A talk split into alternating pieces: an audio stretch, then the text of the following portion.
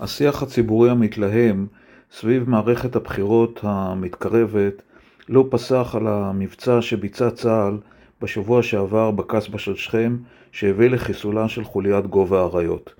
במבצע הזה השתתפו אה, מיטב היחידות של הצבא הימ"מ, לרבות סיירת מטכ"ל, וצפה בו הרמטכ"ל מבור הפיקוד, מה שאולי מעלה את השאלה האם היה אה, נכון אה, להאדיר כל כך את גודלה של החוליה הזאת. אבל בואו לא נתווכח אה, כרגע על השיקול הביטחוני. מה שהטריד זה האמירות שנשמעו מכיוונו של מחנה אחד בשבוע האחרון, לפיו הפעולה נעשתה קרוב לבחירות ולא קודם לכן, לפיה רונן בר, ראש השב"כ, הוא איש פוליטי, ועוד אמירות כאלה ואחרות מהסוג, מהסוג הזה. דבר שהוא מקומם במידה רבה מאוד. האם אה, ממשלה, גם אם היא ממשלת מעבר, אסור לה לבצע פעולות ביטחוניות שנועדו למניעת פיגועים רבים ככל האפשר ולהגנה על ביטחון תושבי מדינת ישראל רק משום שהיא ממשלת מעבר? אני אזכיר לפחות שני מקרים מההיסטוריה בהם ממשלה נבחרת, אמנם לא ממשלת מעבר, ביצעה פעולות ביטחוניות ממדרגה ראשונה וזכתה על כך לביקורת פוליטית. אבל במבט לאחור מהיום, נראה לנו שהיא צדקה. ביוני 1961 שיגרה ישראל לחלל את הטיל שביט 2. הטיל זכה, השיגור הטיל הפך את מדינת ישראל למדינה השלישית בעולם שמסוגלת לשגר טיל מהסוג הזה, אבל המהלך כולו זכה לביקורת ולהתייחסות צינית, משום שסברו שהוא נועד לשרת את מטרותיו של דוד בן גוריון, שהיה אז כבר בשלבי ירידה מהמפה הפוליטית, בבחירות שהיו אמורות להתקיים כעבור כחודשיים. ב-7 ביוני 1981 הותקף וחוסל הכור העיראקי באוסיראק. היו מי שיחסו למנחם בגין בהחלטה הזו שיקולים פוליטיים לקראת הבחירות שאמורות היו להתקיים ב-30 ביוני 1981, וכאשר נראה היה, על פי הסקרים, שמחנהו של שמעון פרס מתחזק.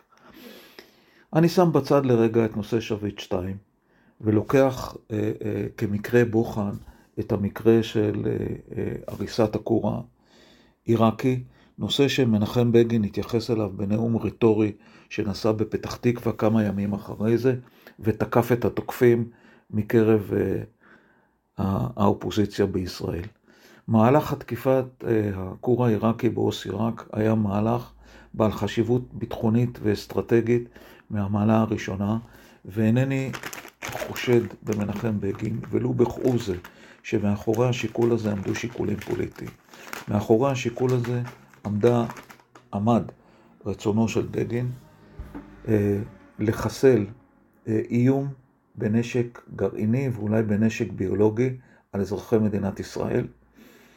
אה, בגין שנשא על כתפיו את מסע השואה שבה נרצחו בני משפחתו, חזר על הנרטיב הזה שוב ושוב בנאומים שלו ובמכתבים ששלח לעם האמריקאי מעל דפי העיתונות ובהם הסביר את המעשה. במבט לאחור, 41 שנה אחרי האירוע הזה, אנחנו אה, לא יכולים שלא לומר שזה היה מהלך ביטחוני בעל משמעות אסטרטגית מהמעלה הראשונה, שדמה לו רק אה, אה, הפצצת הכור הסורי בדיר א-זור בספטמבר 2007. גם המהלך של בגין נעשה סמוך מאוד לבחירות. האם אפשר להאשים אותו בשיקולי בחירות?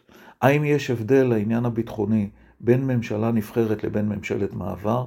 האם יש מישהו שבאמת רוצה לומר שממשלת מעבר איננה יכולה לקבל החלטות שהיא חושבת בתמיכת כל כוחות הביטחון וגורמי הביטחון, שהיא חייבת לבצע כדי אה, לשמור על ביטחון אה, אזרחי מדינת ישראל? אשר על כן צריך לומר אה, שמן הראוי להוציא מן השיח הציבורי חמור וחריף ככל שיהיה ערב מערכת בחירות שני נושאים. את הנושאים המדיניים, ובהקשר הזה אני מתכוון להסכם הגז עם לבנון, שככל שאנחנו בוחנים אותו יותר לעומק, וככל שאנחנו מאזינים לדברי הדוברים שאינם מהמערכת הפוליטית, גם בוועדת החוץ והביטחון של הכנסת, דוגמת עמוס גלעד למשל, המציינים את החשיבות האסטרטגית אה, של ההסכם למדינת ישראל, וגם אה, הפעולה בקסבה של שכם ופעולות נוספות שמתבצעות בימים אלה על ידי כוחות הביטחון כדי להגביר את הביטחון של אזרחי מדינת ישראל. הביקורת בערב מערכת בחירות היא ביקורת ראויה וחשובה, אבל אה, יש נושאים שמעולם לא נחצה בהם הקו האדום, וזה, וזו הביקורת על הפעולות של צה"ל. אפשר לבקר את ההחלטות המדיניות שקדמו לפעולות האלה, אבל עצם הפעולה, עצם הביצוע, אמורים אה, אה, להימצא מחוץ למסגרת השיח הציבורי, גם אם מדובר בערב בחירות.